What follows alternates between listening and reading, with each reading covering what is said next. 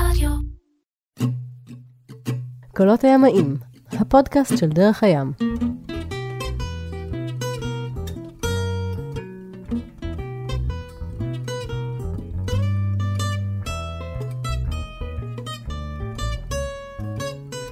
אז קולות הימאים, הפודקאסט של דרך הים, אנחנו ממשיכים, העברנו פרק, אה, רונן קלר נמצא איתי כאן, אה, למי שלא שמע את פרק א' שלנו, אז אנא מכם, חזרו אחורה פרק אחד.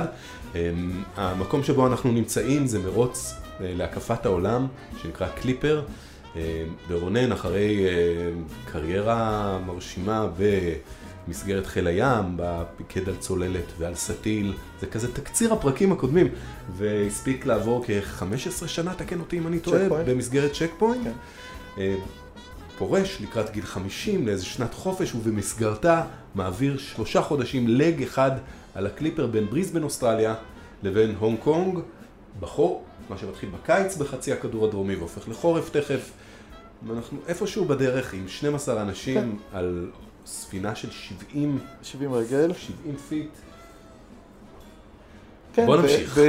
בדרך לסינגפור, על קו המשווה, עושים טקס אה, חציית קו המשווה כמובן, עם נפטון וכל החגיגה הזאת, וכמה ימים אחרי זה אני בן 50. אה, ו- בעצם מקריבים קורבנות במסגרת כן, הטקס אה, אוכלים המסורתי אוכל הזה. מגעיל, זה ה... אוכלים אוכל מגעיל, מקריבים קורבנות לנפטון, בדיוק, כן. כן. מתעללים בצעירים שעל היאכטה. מתעללים ב- בזה שפעם ראשונה, כ- כולל אותי. כולל אותך, לא? כן, כן, כן, פעם ראשונה שאני חוצה. וזהו, חגגתי יום הולדת 50 וקמתי בבוקר לאחר אה, אה, כמה שעות שינה וכל המס, כל הק- הקבינה של ה- של ה- של הסירה מקושט בשלטים יום הולדת 50 שמח שכבר הכינו מראש. זאת אומרת, הסקיפר מראש ידע שאני הולך לחגוג יום הולדת 50 וקנה עוד באנגליה את כל המנצנצים האלה שכתוב מזל טוב ליום הולדת 50.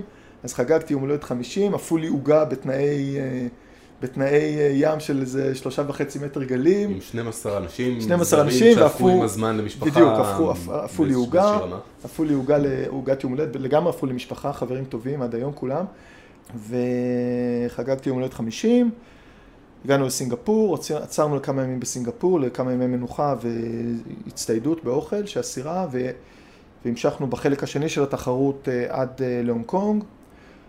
בדרך אצלנו בסירה, בערך בחצי הדרך, התבררה, אה, קרתה תקלה בוונטה הקדמית של, אה, של התורן, בעצם הוונטה שעליה אה, מושחל החלוץ, והבקבוק מתיחה שמחזיק את הוונטה נשבר, היה שם פגם בייצור, וכמה שעות אחרינו זה...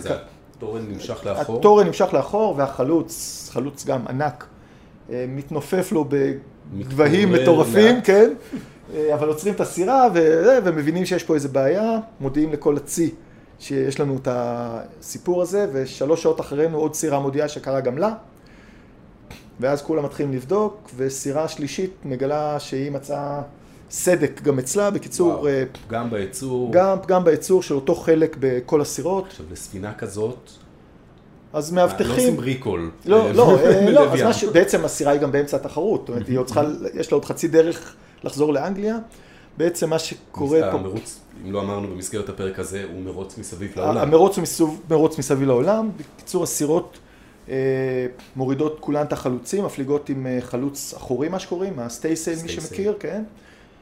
ומאבטחים את התרנים דרך הסטייסל, בעצם יוצא מנקודה שהתורן אה, מאובטח אליה. ב- בשלושת רבעי התורן או משהו שלושת כזה. בדיוק, בדיוק ככה. ומגיעים להונג קונג, ולהונג קונג מגיע, והמשבר גדול, כי כולם אומרים רגע מה יהיה, ומגיע אותו סר רובין, שהוא מקים המרוץ, ואחד מאבות השיט הבריטי, עם גליל של 200 מטר חבל, מי שקוראים דיינימה, חבל בלתי מטיח. בלתי מטיח, אה, עשוי מקרבון, ופשוט עובר סירה ובונה מחדש את כל, ה, את כל המערך באופן שמאפשר להמשיך להפליג ונוטע, פתאום הבנתי מה זאת מנהיגות, איך בכל זאת מאות אנשים על 12 סירות לא בטוחים שהסירה בטוחה להפלגה. והחלק הכי קשה בתחרות שאני לא הייתי בו, החלק הכי קשה בתחרות עוד לפניהם, שזה האוקיינוס השקט בחלקו הצפוני, מסין למערב ארצות הברית.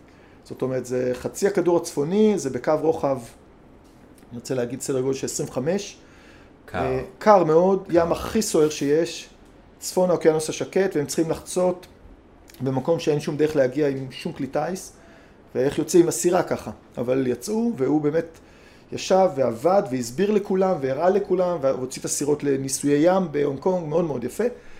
ואני הגעתי להונג קונג ושם ירדתי, חזרתי לארץ, יש שלושה ילדים בארץ, מחכים, ואשתי, אה, ובעצם אה, בשלב הזה קיבלתי... אה, תזכיר לנו באיזה שנה אנחנו? זה שנת 2014, בדיוק לפני אה, שש שנים.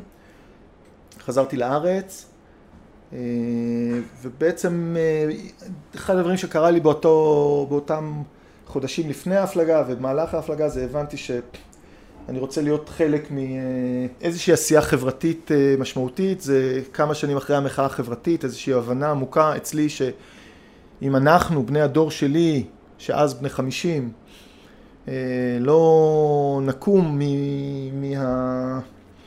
נקרא לזה ממגדלי השן שלנו ומהתנאים הנפלאים של הייטק וצ'ק פוינט ומועדוני שיט וכל הדברים האלה ולא נעשה אז אני אגיד את זה בבוטות, אני לא רוצה להישמע פוליטי, מי אני שאני אבוא בטענות ליאיר לפיד ש... שלא עושה את זה כמו שצריך, הוא לפחות מנסה. והבנתי שזה חלק מה שאני רוצה לעשות והגברתי בצורה דרמטית את הפעילות שלי בכמה, בכמה אפיקים חברתיים שבכולם הייתי מעורב ברמה זו או אחרת גם קודם אה, ובעצם אה, אה, הדבר הכי משמעותי שנכנסתי לתוכו ובסופו של דבר עזבתי היה פעילות שנקראת אופק, זה הבנק הקואופרטיבי, זה ניסיון להקים תחרות לבנקים, תחרות הוגנת, בנקאות הוגנת והפכתי להיות המנכ"ל, הייתי כמה חודשים המנכ"ל של אופק אבל מסיבות בעיקר שלצערי אני חשבתי שאני לא האיש המתאים לעשות את זה אבל עם הרבה צער עזבתי והגעתי ל... וקיבלתי טלפון מהיזמים של Outbrain, Outbrain אז הייתה סטארט-אפ כבר לא צעיר אבל מאוד מאוד מצליח, עדיין מצליח. Outbrain, ו... חברה שמתעסקת... כן, Outbrain היא החברה ש... ש... ש... כל מי ש... כל פעם שאתם רואים הודעה בדיוק, כזאת, כל מי שאולי ש... יעניין אותך שגול... גם. בדיוק. כל מי שגולש ורואה מודעה שכתוב אולי יעניין אותך לקרוא גם, זה הרעיון או טאבולה או Outbrain. זה או טאבולה או Outbrain, שבעצם מי שהמציא המציא את שהתאחדו, הרעיון, לא הם. הם עכשיו בתהליכי איחוד. הם, ב, הם, ב, הם הסכימו על איחוד, והאיחוד עוד לא קרה, אבל הם בתהליך של, אה, של מימוש המיזוג הזה, אבל בעצם מי שהקים את, ה, את Outbrain, שני יזמים, ירון גלאי ואורי להב, שניהם קציני חיל הים, אורי מפרסן אה, פנומנלי, אחד מבכירי החברים פה בדרך הים, אה, באמת איש ים בוגר נחשולים, וירון שהוא גם קצין לשעבר בחיל הים, שיזם סדרתי שמאוד מכיר טוב את עולם ה... פאבלישרס והמדיה והאתרי התוכן באינטרנט.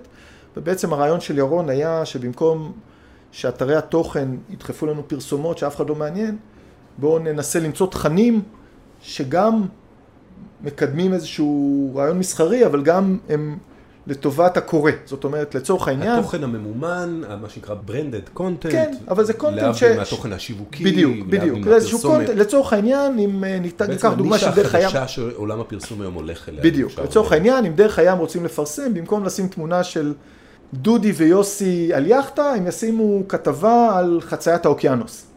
ולמטה יהיה כתוב, האוקיינוס, חצו את האוקיינוס, הנה קבוצה של דרך הדרך הים, בדיוק. כך החשיפה והכ- למותג הרבה יותר. בדיוק. והכ- והחשיפה היא גם לא, היא גם לא אה, אינטרוסיב, היא לא חשיפה שאתה אומר, מה אתם, אלא אני קורא כתבה מעניינת. כולנו מכירים את המצב התודעתי הזה שבו אנחנו נחסמים בכל פעם שאומרים לנו זו פרסומת, אנחנו מזהים פרסומות גם כשהן מתחפשות לכתבות ולכן וזה האתגר, האתגר הוא מאוד גדול, והרעיון של ירון ושל אורי בעיקר באמת היה לפתור את, ה, לפתור את האתגר הזה סביב זה, שנבין מה באמת אנחנו רוצים, זאת אומרת, איך לא להפיל את החסם הזה, איך אנחנו לא הופכים להיות עיוורים לפרסום, זאת אומרת, אם, אם, אה, אם Outbrain יודעת שאתה גידי ואני רונן נורא אוהבים שיט, אז, אז אם נראה כתבה על חציית האוקיינוס, לא נחסם, כי אנחנו נגיד, רגע, זה באמת משהו שענה עכשיו. אם הכתבה הזאת בסוף תהיה מודעה ענקית של בוא תצטרף לדרך הים, אז, אז, אז איבדנו את האמון. אבל אם הכתבה תהיה יוסי, בהחלט בעולמות התוכן שלנו, בדיוק, והיא תהיה מעניינת, כן, תפגע בעולמות התוכן בדיוק, שלנו, והיא תהיה מעניינת, בדיוק, היא תהיה מעניינת, אז, אז יש פה אפשרות לעשות את זה, וזה באמת, עולם הפרסום הולך לשם. סוס טרויאני קטן. כן, אבל אפשר לחשוב על זה כסוס טרויאני, אבל נכון. אבל אפשר לחשוב על זה גם כאיזושהי דרך לאפשר לאתרי התוכן להמשיך לחיות בלי שהם תלויים במודעות. זאת אומרת, זה בעצם, זה, זה, זה ניסיון לפתור את המשולש הבלתי פתור בין המפרסם, אתר התוכן והקורא. בעצם זה המשולש הזה שהיום הוא, הוא בלתי פתור כי המפרסם משלם הרבה כסף ולא מרגיש שהוא מקבל את, ה, את מה שהוא אמור לקבל. את המכירה את המכירה, בדיוק. הצופה או הקורא מרגיש שדוחפים לו מיליון פרסומות והוא לא יכול לקרוא כמו שצריך ו, ובעצם אה, אתרי התוכן שעניינם הוא בלייצר תוכן איכותי, העורכים מרגישים שעל התוכן האיכותי שהם יצרו אנשי הביזנס באתר שותלים את כל ה junk ובסוף מרוב, מרוב עשב לא רואים את הפרח ולכן כולם כועסים. העיתונאי תמיד. העיתונאי מרגיש בדיוק, מרגיש שהרסו לו את הכתבה כי, כי שמו על זה איזה מודעה של uh, קסטרו. אז בעצם זה Outbrain וירון, uh, ירון, uh, שאת ירון הכרתי, את ירון ואורי הכרתי הרבה שנים. כאנשי חיל הים. כאנשי חיל הים, כי הם היו, ירון היה קצין בסטיל המקבילי. כשאני הייתי מפקד סטיל, הוא היה קצין תחת מפקד שהיה קולגה שלי, לכן הכרנו היטב. אה, ירון הרים לי טלפון, הוא אמר, תשמע, אני רוצה שתבוא לעזור לי. וירון הוא גם, הוא איש ים והוא מפרסן והוא איש מקסים והוא איש מאוד מאוד אה, ראוי וערכי ואני מאוד אוהב אותו ואי אפשר היה, לא יכולתי להגיד לא והצטרפתי וזה, Outbrain זו חברה שמאוד בפעם, בסדנה הראשונה שעשיתי, הצטרפתי כסמנכ"ל משאבי אנוש, הסדנה הראשונה שעשיתי עם אאוטברן בניו יורק, הבילוי היה להפליג ביאכטה על ההדסון בתחרות בין שני, אז כל הסמנכ"לים בשני צוותים מתחרים, אז יותר, כאילו זה, זה סוג של פנטזיה לעבוד במקום ש... ש... מבינים ו... את החיידק האלה. שמבינים את החיידק, וכל הדוג... ול... ולחברה יש את המגדלור שלה, כל, ה... כל העובדים פועלים לאור מגדלור, hmm. ו... ו... והדוגמאות... שזה בעצם החזון החברה. החזון, בדיוק, כן. פשוט... אה, ההגדרות מגדל... היו ימ... ימיות. מאוד ימיות. שפת הניהול הייתה ימית. מאוד. ובעצם הס... ההצעה ש... או הבקשה או ההצעה של ירון הייתה בוא תעזור לנו לקחת את החברה, באמת להצמיח אותה ברמה הארגונית. אז הצטרפת לאאוטברן כשהיו בה... הצטרפתי לאאוטברן שהיו בה בערך 270 איש. במשך חמש שנים הייתי סמנכ"ל משאבי אנוש גלובלי באאוטברן, בעצם סביב, ה... סביב המאמץ להפוך אותה לחברה גדולה, כשעזבתי היו בה 1,100 איש. שנים מאוד אה, משמעותיות של, של אה, עשייה מאוד מעניינת וצמיחה מאוד מעניינת וגם רכישות ומיזוגים של חברות ובעיקר אה, כיף גדול. שנים של ה scaling. כן, שנים של scaling. ובעצם לפני שנה הבנתי שאני כבר בן 55 ושאני יכול להישאר שם גם עוד 5, 6, 7 שנים. וכמו שכבר אמרנו החברה בתהליך מיזוג עם אה, טאבולה והיה ברור שהתהליך הזה יקרה מתישהו ו... והיה לי איזה חשש שכשהוא יקרה, אם, הוא יקרה, אם וכאשר הוא יקרה זה בעצם יחייב אותי להישאר עוד כמה שנים. והבנתי שאני עוד חייב לעצמי את, ה... את הפאזה השלישית בחיים כי בעצם חזרתי לעשות בערך את אותו דבר שעשיתי כשהייתי בצ'ק פוינט, בסביבה אחרת, עם אנשים אחרים, אבל, אבל בערך את אותו דבר. אמרתי שאני חייב לעצמי את השלב הזה של, שבו אני אדון לעצמי ואני עושה מה שבאמת באמת בא לי ומייצר אימפקט במקומות שאני הכי מרגיש ש, ש, ש, ש, שזה מתאים לי. ולפני שנה עזבתי ובשנה האחרונה אני בעצם, אה, אני רוצה להגיד, אני לא יודע אם אני רוצה שאשתי תשמע את זה, אבל כאילו, אבל אני בעצם אדון לעצמי ב... אני לא יכול למנוע את זה. לא, בסדר, כן, אבל זה, זה, הסיכ... זה הסיכום בינינו, היא, היא ממשיכה להיות פסיכיאטרית בכירה, ו... ואני, ואני בעצם אה, מתמרן בין ארבעה תחומי פעילות, אחד אני יועץ לסטארט-אפים כאלה, שבשלב אפילו יותר מוקדם מאאוטבריין, חברות של 50, 60, 70 עובדים, שגייסו הרבה כסף ורוצות לצמוח למאות עובדים.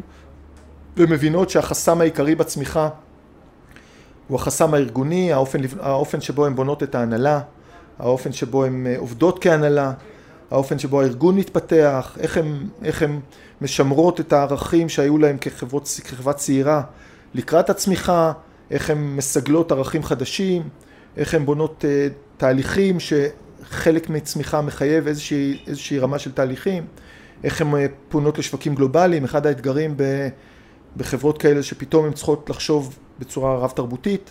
זאת אומרת, סטארט-אפ שמגיע ל-40 איש הוא כמעט כולו פועל בישראל ופתאום כשהוא רוצה לגדול הגדילה היא, הגדילה היא תמיד סביב האלמנט העסקי כי זאת הגדילה בעצם. אתה צריך את אנשי המכירות האמריקאים. אתה צריך את האמריקאי, בדיוק, ואז, בדיוק, ואיך אתה מגייס את האיש שיבנה לך את ארגון המכירות האמריקאי, ו- ו- ואיך אתה עובד עם, עם האיש האמריקאי, ואיך אתה אה, מבין אה, את המורכבויות הרב-תרבותיות האלה, ואיך אתה, ואיך אתה אה, מצליח, זאת אומרת, אחד הדברים שגם אנשים קצת הרבה פעמים מפספסים, זה שככל שהחברה מצליחה יותר, הכל נהיה קשה יותר. זה לא שנהיה יותר קל. ההצלחה מביאה הרבה יותר קושי, מביאה הרבה יותר אתגרים, מביאה הרבה יותר לחצים. אם אתה לא בונה אה, ארגון, בעיקר הנהלה, מאוד מאוד מאוד אה, בעלת חוסן, מאוד חסינה, שיודעת להכיל את הקשיים האלה, אז הארגון יקרוס לתוכו. זאת אומרת, פתאום שיש לך לקוחות של מיליוני דולרים, זה נהדר, אבל לקוח של מיליוני דולרים, הדרישות שלו הם כמו של לקוח של מיליוני דולרים. זה הרבה יותר מהחבר שלי פה בארץ שהסכים, סגרת איתו כן, סגרת איתו איזה הוא עסקה, בדיוק. חייב לעזור לחבר. בדיוק, כי הוא רצה לעזור לך והוא אמר, אחלה מוצר, תביא, אני אתקין אצלי בארגון. כשזה, כשזה, כשזה לקוח אמיתי שמשלם הרבה מאוד כסף, זה נהיה יותר מסובך. ו, וכל המורכבויות האלה באמת שהן בעיקרן מורכבויות ארגוניות, זאת אומרת, ה, ה, כל הקשיים הם סימפטומים של המורכבות הארגונית, ה, ה, איך מתמודדים עם התחרות, ואיך מתמודדים עם הלקוחות, ואיך איך בונים, איך מגייסים יותר אנשים, איך... אה, את כל זה מתחיל במי ההנהלה, וכשהחברה היא קטנה, אז בעצם ההנהלה הבכירה היא, זה כמו... כי יועץ לסטארט-אפים צעירים יחסית כן. בהקשר הזה, בעצם ההשפעה שלך היא הרבה יותר, הרבה יותר גדולה. בדיוק. על, על... זה, זה יותר מזה, זה כאילו, זה הנקודה שאפשר עוד לעשות, להשפיע בלי שזה כואב, אני קורא לזה. כאילו, כשמגיעים ל-150 איש זה כבר מתחיל לכאוב. כבר נתקלים בקשיים, כבר, כבר חווים את הקשיים. צריך את סכין המנתחים, בדיוק, וצריך זה, לוותר זה על כבר. בדיוק, זה כבר כואב, זה כבר, א', צריך לחתוך, ב', כבר יש שם תסכול, כבר יש אמוציות סביב הקשיים שאפשר היה אולי... שאפשר היה לפתור אותם הרבה לפני בוא זה. נדבר על תחומי פעילות אחרים שיש לך. אז זה תחום אחד. תחום אחר, התחום השני שאני מאוד מושקע בו ברמה הרגשית, זה באמת אה, מספר יוזמות אה, חברתיות שאני מעורב בהן. אחת אה, היא אה, אה, עמותה שנקראת אה, טופז. טופז זה עמותה ליזמות חברתית, שבעצם אה, אה, פועלת על ידי, אה, על ידי אה, נגיד אירוח או על ידי ליווי של מיזמים, מיזמים חברתיים שיכולים, שיש להם פוטנציאל להיות פורצי דרך, לייצר חברה יותר הוגנת. זה בעצם החזון של טופז בארץ ובעולם. אה, במסגרת טופז יש גוף, אה, דיברנו על זה שאתה מכיר אה, פעילות שכבר מתקיימת חמש או שש שנים, נקראת רדיו פוקוס, זה הרדיו של תחנות, ה- של תחנת. הרדיו של בתי הסוהר, בתי בדיוק. הסוהר בישראל, בתי הסוהר. משדרת מכלא איילון. בדיוק, תחנת תחנת רד- רדיו מאוד מאוד מעניינת. תחנת מקום- רדיו שמשודרת על ידי אסירים שהקימה בעצם בחורה אנחנו בשם... כמעט אף פעם לא יכולים להיחשף לתכנים שנוצרים. שם, אבל אני יכול לספר כמי שמתנדב שם מדי פעם, כן. שהתכנים שם הם בעצם תכנים שנועדו לעזור לאסירים להשתקם, לעזור לאסירים להפוך לחלק מועיל, האסירים שעובדים שם והאסירים שעובדים שם יוצרים את הקול הזה או מהדהדים את הקול הזה החוצה אה, לשאר בתי הכלא בארץ, ובאופן מפתיע יש לזה, מפתיע או שלא מפתיע, כן. יש לזה רייטינג די גבוה. האסירים מאזינים לתחנת הרדיו הזאת במסגרת, נכון, באמצעות הטלוויזיות, כן, בתאים, כן. ותחשוב שאני תמיד חושב על זה שיש משהו בספורט כאילו באותו רגע, ויש והם רוצים תוכנית לשמוע, של כן. מוזיקה יוונית, ומישהו כן. מעדיף לשמוע את את המוזיקה זה. היוונית, זה מדהים בעיניי. כן, זה מדהים. אז רדיו פוקוס זה פעילות כזאת, אה, ויש עוד כמה פעילויות. אה, פעילות הדגל היום שאני עסוק בה, אה, זה מיזם מפרשים, שבו באמת זה הסירה שהבאנו לארץ לפני שנתיים. אני ככה פותח סוגריים, את הדליברי לארץ, אה, אני הפלגתי בדליברי מברצלונה לנפולי עם הבן שלי, שהיה אז בן 17. אה, הוא ואני שנינו אה, היינו בהפלגה הזאת. אתם חוויתם את ה... אנחנו היינו בלג הסוער עם המסטרל. כן, כן. אנחנו היינו... עם איתן, בדיוק. וואו. אנחנו היינו בלג עם... יוסי סיפר על זה שוב. כן, אנחנו היינו בלג, אנחנו היינו. עם איתן נייק באמת, אני ובני. וב... בעצם הזורבה, נכון? היה שם איזה הוריקן ים תיכון. כן, אז ההוריקן היה בחלק. המזרחי, אבל אנחנו גם קיבלנו מסטרל מ- מאזור, אה, אה, איטליה. אה, מאזור, כן, מצפון צרפת לאיטליה. אה, היה מאוד סוער, הבן שלי, שאלתי אותו ככה, כי הייתי בטוח שהוא לא יסכים, אמרתי לו, אתה רוצה לבוא איתי להפלגה? והוא אמר כן. אה, ואני, והיינו היינו בהפלגה, נדמה לי 12 או 13 איש, אבל בעצם איתן, שהבין שזו הולכת להיות הפלגה סוערת, מינה שני מפקדי, שני ראשי משמרת, אותי, ועוד מישהו שהצטרף להפלגה, שבעצם היה מפקד הצוללת שלי כשהייתי סג"מ. וראה שאני מפליג, אז הוא הצטרף, קוראים לו גם איתן, איתן שמחוני, בעצם איתן ואני, איתן שמחוני ואני היינו מפקדי המשמרות, וכשהבן שלי ראה שאני מפקד משמרת, הוא בא אליו ואמר לי, אבא, אל תיעלב, אבל אני לא רוצה להיות במשמרת שלך. וואו. ואז מצאתי את עצמי און אוף, אה, חמישה ימים, מעיר אותו והוא מעיר אותי, והוא, והוא היה מגיע לקוקפיט, לפתח לסירה וצועק, רונן קלר, תקום, אתה עולה למשמרת. חוויה מדהימה לראות את הילד שלך בן 17, מתמודד עם ים מאוד סוער, הוא ילד של ים וצופה ים, אבל ככה לא ראיתי אותו אף פעם. אה, כשהמפקד שלי, כשהייתי בן אה, 19, הוא בעצם ראש המשמרת שלו כשהוא בן 17, אז הפלגנו באמת לנפולי.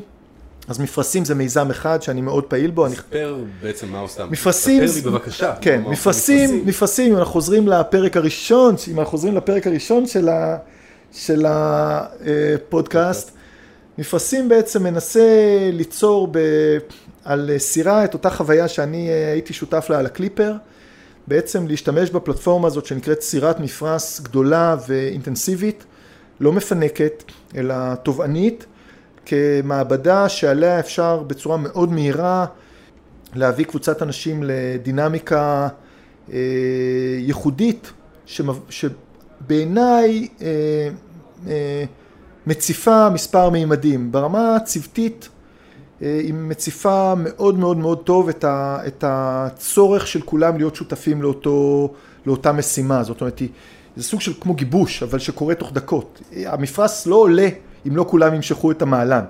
אז, אז מהבחינה הזאת היא מאוד מהר גורמת לכולם להיות צוות אחד, כי אין ברירה, כי אחרת הסירה לא מפליגה. אז זה, זה ברמה הצוותית. ברמה האישית, היא בעצם אה, אה, מפגישה את המשתתפים עם, אה, עם החוסן האישי שלהם, עם הקשיים האישיים, של, עם הקשיים האישיים שלהם בים, שמראש מביא איזה, איזושהי דרגת מורכבות אחת אה, לתוך השאלות האלה של היכולות האישיות, של החוסן, של המסוגלות, מה שאנחנו קוראים, תחושת המסוגלות האישית. ודיברנו קודם. ודיברנו. למעשה בפרק בדיוק. הקודם על מחלת ים. בדיוק, אז, ו- אז, אז זה מפגיש, אז, אבל, אבל... כל ד- אחד עם הקושי הפרטי בדיוק, שלו. אבל, אבל מה שקורה בסירה, קורה הקסם, שאני קורא לו הקסם בין הפגישה שלי עם, עם יכולת, עם תחושת המסוגלית האישית שלי, בקונטקסט של צוות. זאת אומרת, זה לא אם אני אכשל רק אני, אה, החשבון שלי הוא עם עצמי, אלא אם אני נשבר, אז אני... אני הופך להיות החוליה אני החוליה החלשה. בדיוק.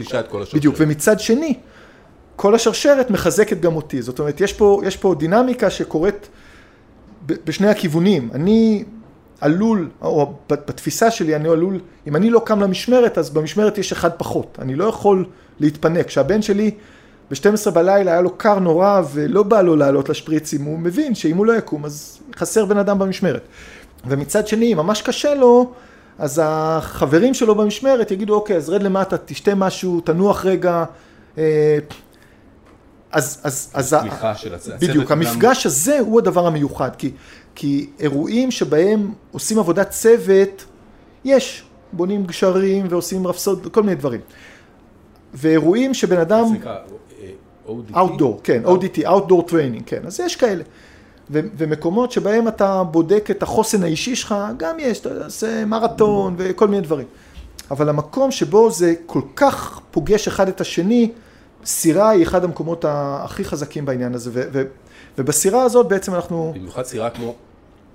נכון, היא בעצם השתתפה בצ'אלנג' אמרנו. כן, הסירה הזאת נבנתה לזה. לה- להפליג בדיוק, רחוק, שיודעת בדיוק, להפליג הסירה הזאת נבנתה לזה. בדיוק. הסירה הזאת נבנתה לזה. אם אני לא טועה, אין בה שום, אף אחת מהקננות. הכל- לא הכל ידני, אין שום דבר חשמלי אין שם. שום כפתור לשום דבר. אי אפשר לשים שם, אי אפשר לעשות, לא, זה לא, הם, היא נועדה למצב שאם משהו מתקלקל אז מתקנים אותו, זה הכל מכני, כי אי אפשר לתקן, אין, אין מישהו שיבוא לתקן בים. אז, אז, אז, אז בעצם הסירה משמשת למרחב מאוד גדול של, של פעילויות חברתיות, של גופים חברתיים שונים ומשונים, שבעיקרם באמת יושבים על שלושת העולמות האלה, אחד של פיתוחי צוותים, קצת פיתוחי צוותים עסקיים, כי זה הדרך לממן את הפעילות, אבל בעיקר פיתוחי צוותים אה, של עמותות וגופים אה, כאלה, זאת אומרת עבודת פיתוח הצוות, פיתוח המנהיגות. העולם השני הוא, אנחנו קוראים לו אה, עולם החוסן האישי, זאת אומרת היכולת של לקחת קבוצה של אנשים, אנשים או נוער, אבל גם מבוגרים, שבאים מאיזה מקום של תחושת מסוגלות אה, נמוכה, ו, ולחזק את זה, וזה זה, זה הדבר השני. וה, והעולם השלישי שאנחנו אה, נמצאים בו באמת זה העולם שהוא דומה למה שאמרתי קודם, של ה, למצוא את האדם, למצוא את החוסן אצל האדם סביב, אה, סביב קבוצות שצריכות עבודה קלינית. זאת אומרת, לפעמים הסביבה המאוד, המאוד טעונה מאפשרת לשאלות קליניות של, של חוויה של אני לא יכול להיות עם אנשים סביבי או משהו כזה, אה, להתחבר לדבר הזה. אז, אז הרבה מאוד עמותות... אה, סיפר יוסי בפרק שבו... אה, למשל, נוער מיד לבנים. בדיוק. על זה. למשל. עיבוד של בדיוק, אבל. בדיוק. אז, אז היכולת... נתן שם דוגמה מאוד מעניינת כן. של... עכשיו אנחנו מדברים על האבל וזה, אבל רגע צריך לעצור הכל. בדיוק. ולהמשיך לנהוג את הסביבה. אז זה מה שאני קורא המקום הטיפה יותר כיוון. קליני. הטיפול, אז, אז בדיוק זה, היכולת לאבד, לייצר איזו סביבה שמאפשרת לאבד חוויות קשות, פוסט טראומה, זה אחד הדברים שיש שם. אה, אז, אז באמת הסירה פועלת אה, שמה, זה, אז סירה כמו רדיו פוקוס פועלת במסגרת אה, טופז, עמותת טופז, ואני גם, אני גם יושב בוועדה, בהנהלה המקצועית של מפרשים. גוף שני שאני מאוד פעיל בו, מאוד מעריך, מאוד אוהב אותו, זה בית תפילה ישראלי, בית תפילה ישראלי זה בעצם קהילה יהודית פלורליסטית מאוד, אני רוצה להגיד כמעט חילונית, שפועלת ברוח החיבור בין יהדות לישראליות, ביאליק הוא הדמות המפתח פה, אה, היכולת, תחשבו כמה שירי חגים ביאליק כתב, זאת אומרת איזה מין דרך לחגוג... אה, זה קשור בבינה?